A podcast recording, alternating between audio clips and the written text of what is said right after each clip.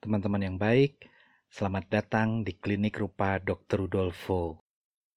Semenjak ditayangkan pertama kali pada tanggal 3 November lalu, siniar episode perdana Klinik Rupa Dr. Rudolfo sudah mendapatkan sambutan yang bagus sekali. Wah ini, saya senang sekali ini dengernya ya, jadi saya ingin ucapkan terima kasih untuk Anda semua yang sudah menyimak siniar episode perdana, juga yang sudah ngunggah di Instagram Story. Jadi teman-temannya bisa tahu dan ikut mendengarkan. Juga Anda yang sudah mengirimkan pertanyaan dan mengirimkan pesan langsung pada saya via Instagram untuk memberikan apresiasi ya atas hadirnya siniar ini. Saya mengucapkan terima kasih. Saya harap siniar dari Klinik Rupa Dr. Rudolfo bukan hanya bisa menemani aktivitas Anda, tetapi juga bisa membantu meningkatkan kekaryaan Anda ke tahap yang lebih bagus lagi. Nah, teman-teman, ini bukan siniar episode kedua ya, tetapi ini adalah siniar edisi rangkuman dan pendalaman dari siniar episode pertama tentang kebuntuan kreatif. Jadi kalau siniar versi komplit itu durasinya hampir 40 menit, kalau siniar edisi rangkuman dan pendalaman ini lebih pendek ya. Saya membuat siniar ini menjadi tiga bagian dan masing-masingnya memiliki durasi antara 10 sampai 15 menit. Dengan begitu, apabila Anda belum sempat mendengarkan siniar versi komplit, Anda bisa langsung mendengarkan siniar edisi rangkuman dan pendalaman ini dan langsung mendengarkan pokok permasalahannya. Tetapi bagi Anda yang sudah menyimak uh, siniar versi komplit, di sini ada informasi-informasi tambahan ya yang sekiranya relevan dan bisa membantu memperdalam topik tentang kebuntuan kreatif. Jadi Anda juga tetap bisa dengarkan lagi.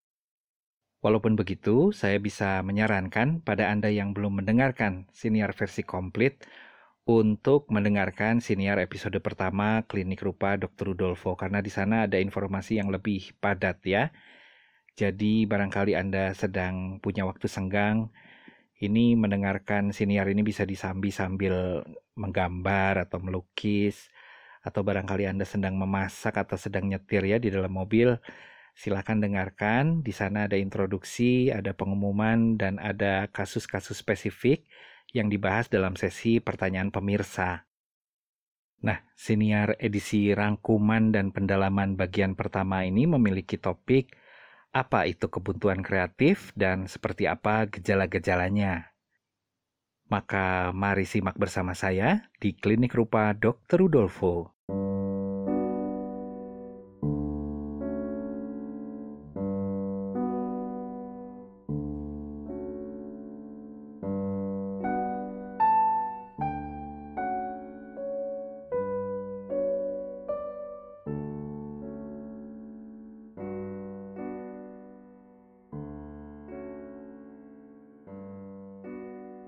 Teman-teman yang baik, apabila Anda terlahir dengan minat dan bakat kreatif, terutama apabila Anda menggeluti profesi kreatif, maka tidak usah heran apabila pada saat-saat tertentu Anda mengalami kesulitan pada saat mencipta, saat Anda berkarya.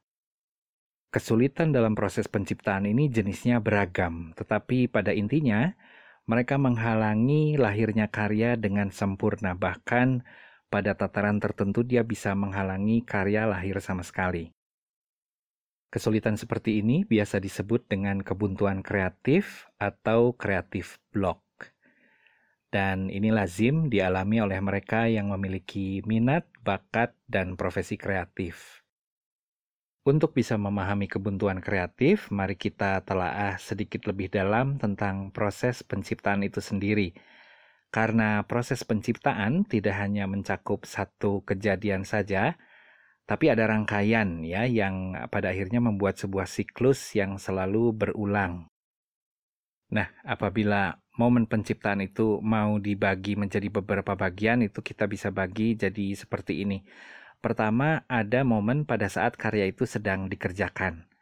Ini adalah momen terpenting dalam keseluruhan rangkaian Sesudah itu, yang kedua ada momen saat karya selesai dikerjakan.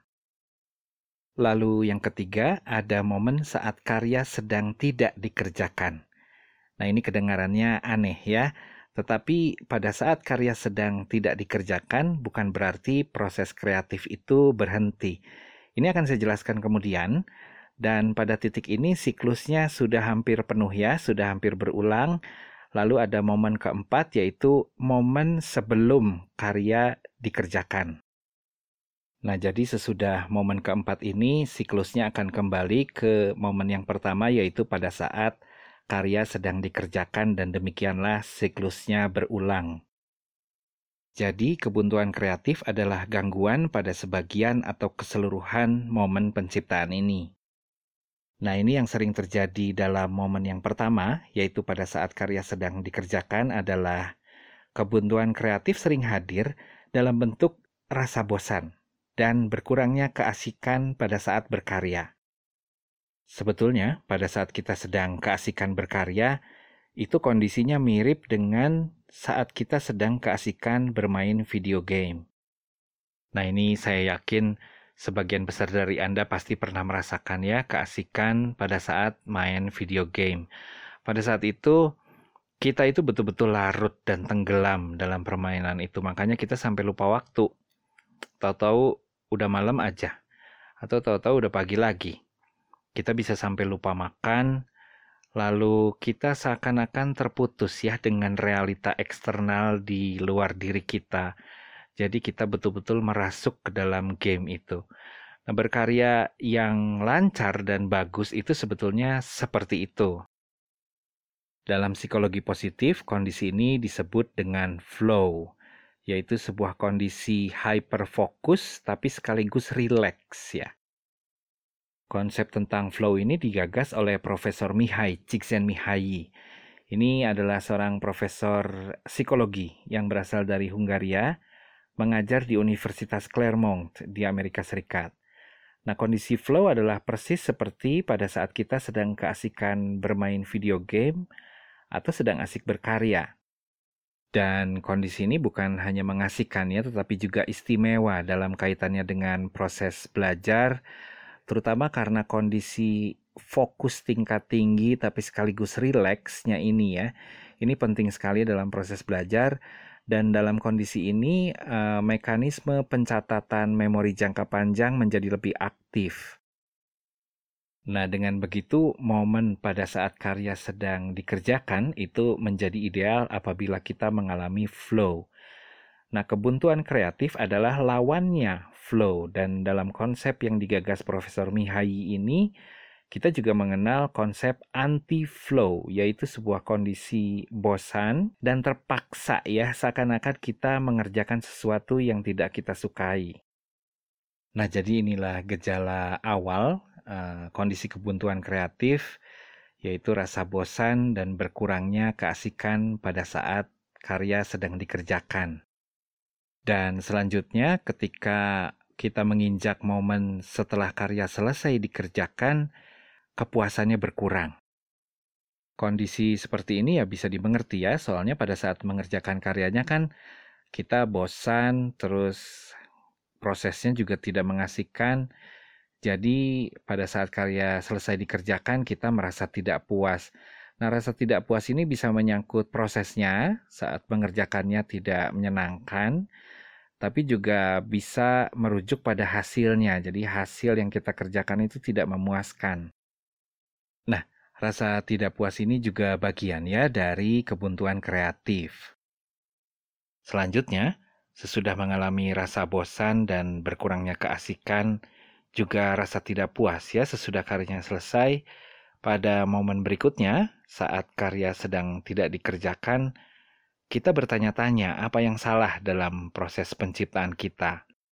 Jadi dalam perenungan kita berpikir ya mungkin masalahnya ada di sini, mungkin karyanya harus dicoba dengan cara yang seperti itu.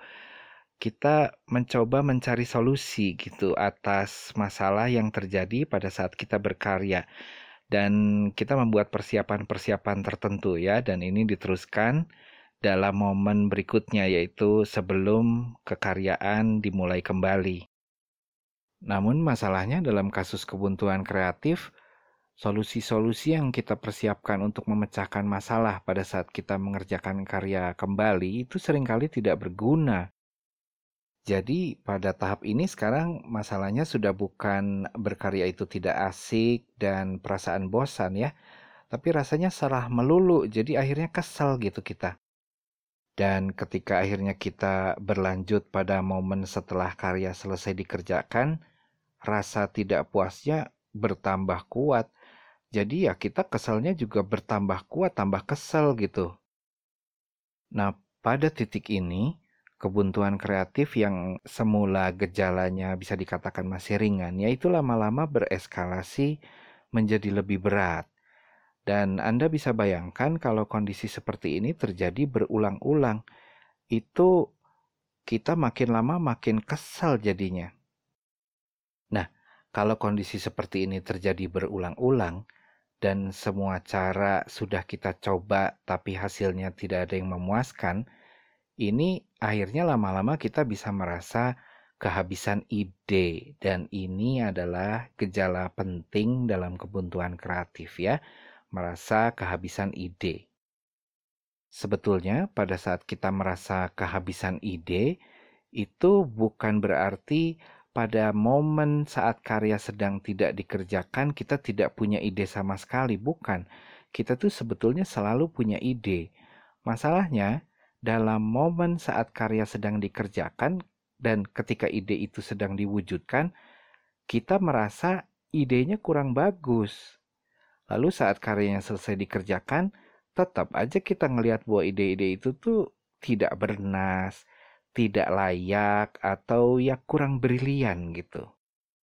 Nah, kalau kita sudah merasa kehabisan ide, itu dampaknya akan terasa pada momen keempat ya, yaitu sebelum karya dikerjakan. Ini pada tahapan ini semangat kita untuk berkarya jadi turun drastis ya, motivasi itu ngedrop banget. Dan sesudah itu kita akan mendapatkan gejala klasik dari kebuntuan kreatif yaitu kita mulai menunda-nunda pekerjaan. Menunda-nunda pekerjaan atau procrastination ini adalah dampak langsung dari kegagalan yang kita alami terus-menerus. Jadi di sini kita bisa melihat sebuah kondisi yang kontras ya antara kebuntuan kreatif dengan kondisi dulu waktu kekaryaan kita sedang ngeflow Ngeflow itu kan sama seperti lagi main video game kan, dan sebetulnya kita itu gagal melulu. Tapi karena prosesnya mengasihkan, dulu itu kita selalu semangat untuk terus mencoba gitu. Sementara dalam kondisi kebuntuan kreatif, kita selalu ketemu kegagalan demi kegagalan tidak ada habisnya dan itu pada akhirnya membuat kita jadi takut ya. Ada semacam trauma terhadap kegagalan. Dengan begitu, menunda-nunda pekerjaan sebetulnya dilatar belakangi rasa takut ya. Kita merasa kita membutuhkan waktu untuk mengumpulkan tenaga, fokus, perhatian, tekad bulat, dan energi yang luar biasa supaya kita bisa berhasil. Tapi kita nggak pernah tahu kapan kita bisa mulai berkarya lagi. Dalam situasi yang penuh ketidakpastian seperti ini, sebetulnya bisa dikatakan bahwa proses penciptaan kita sudah berhenti. Dia hanya bisa berlanjut apabila kita memaksakan diri, dan biasanya yang membuat kita memaksakan diri adalah tenggat. Tenggat ini artinya deadline, ya. Kalau Anda mahasiswa atau profesional, ya sudah pasti Anda selalu dikejar tenggat. Nah, sekarang coba dibayangkan dalam kondisi kebuntuan kreatif yang sudah bereskalasi jadi separah ini, Anda harus memaksakan diri bekerja supaya bisa memenuhi tenggat. Nah, ini hasilnya sudah bisa diduga ini. Pada saat kita kembali ke momen saat mengerjakan karya, prosesnya menjadi sulit sekali dan pada saat inilah muncul gejala penting dalam kebuntuan kreatif yaitu kita tidak mampu mempertahankan fokus dan konsentrasi. Saya bisa bilang bahwa kondisi seperti ini adalah kondisi yang paling destruktif ya dalam kebuntuan kreatif. Tidak mampu mempertahankan fokus dan konsentrasi itu sebetulnya hanya dampak. Penyebabnya adalah pikiran kita yang sudah didera begitu banyak kegagalan pada akhirnya selalu mengambil kesimpulan negatif untuk apa saja yang akan kita coba lakukan. Apabila kondisi ini sudah terjadi, ini akan merembet ke momen-momen yang lain ya. Jadi sesudah karya selesai dikerjakan, pikiran negatif kita akan bilang karya ini sampah.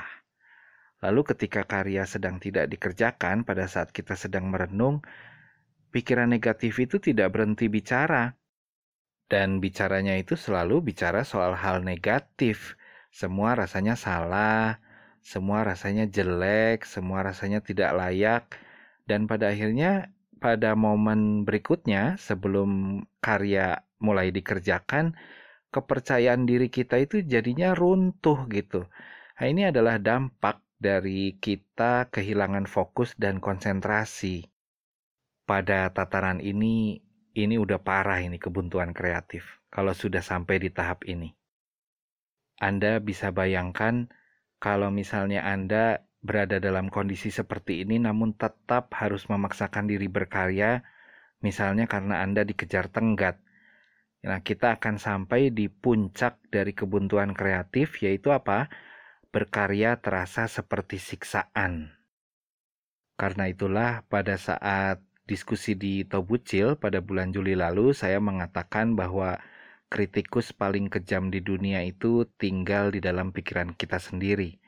Nah, pada momen-momen seperti ini, kritikus itu rasanya bukan lagi sekedar seperti orang yang kejam ya, tapi sudah berubah menjadi monster yang mengerikan gitu. Apabila kita sudah sampai dalam kondisi seperti ini, maka kita sudah mencapai titik terakhir dalam kebuntuan kreatif yaitu sebuah anti klimaks ya. Karena kita pada akhirnya merasa tidak sanggup lagi berkarya dengan kondisi tersiksa seperti itu, pada akhirnya proses penciptaan berhenti sama sekali. Nah, teman-teman, demikianlah gambaran tentang kebuntuan kreatif dan gejala-gejalanya. Satu hal yang penting untuk dicatat adalah Kebuntuan kreatif biasanya tidak terjadi seketika ya, tetapi berangsur-angsur seperti ini.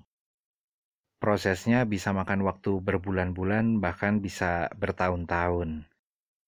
Mengenali gejala-gejala kebuntuan kreatif adalah fundamental apabila kita ingin melampaui kondisi tersebut dan kembali pada kondisi kekaryaan yang ideal dan optimal. Apabila Anda kebetulan sedang mengalami kondisi-kondisi seperti ini, tenang saja, tidak usah terlalu panik karena ini lazim terjadi pada kaum kreatif. Nah, teman-teman, dengan demikian berakhirlah siniar edisi rangkuman dan pendalaman bagian pertama. Terima kasih sudah mendengarkan. Nantikan siniar berikutnya bersama saya di Klinik Rupa Dr. Rudolfo.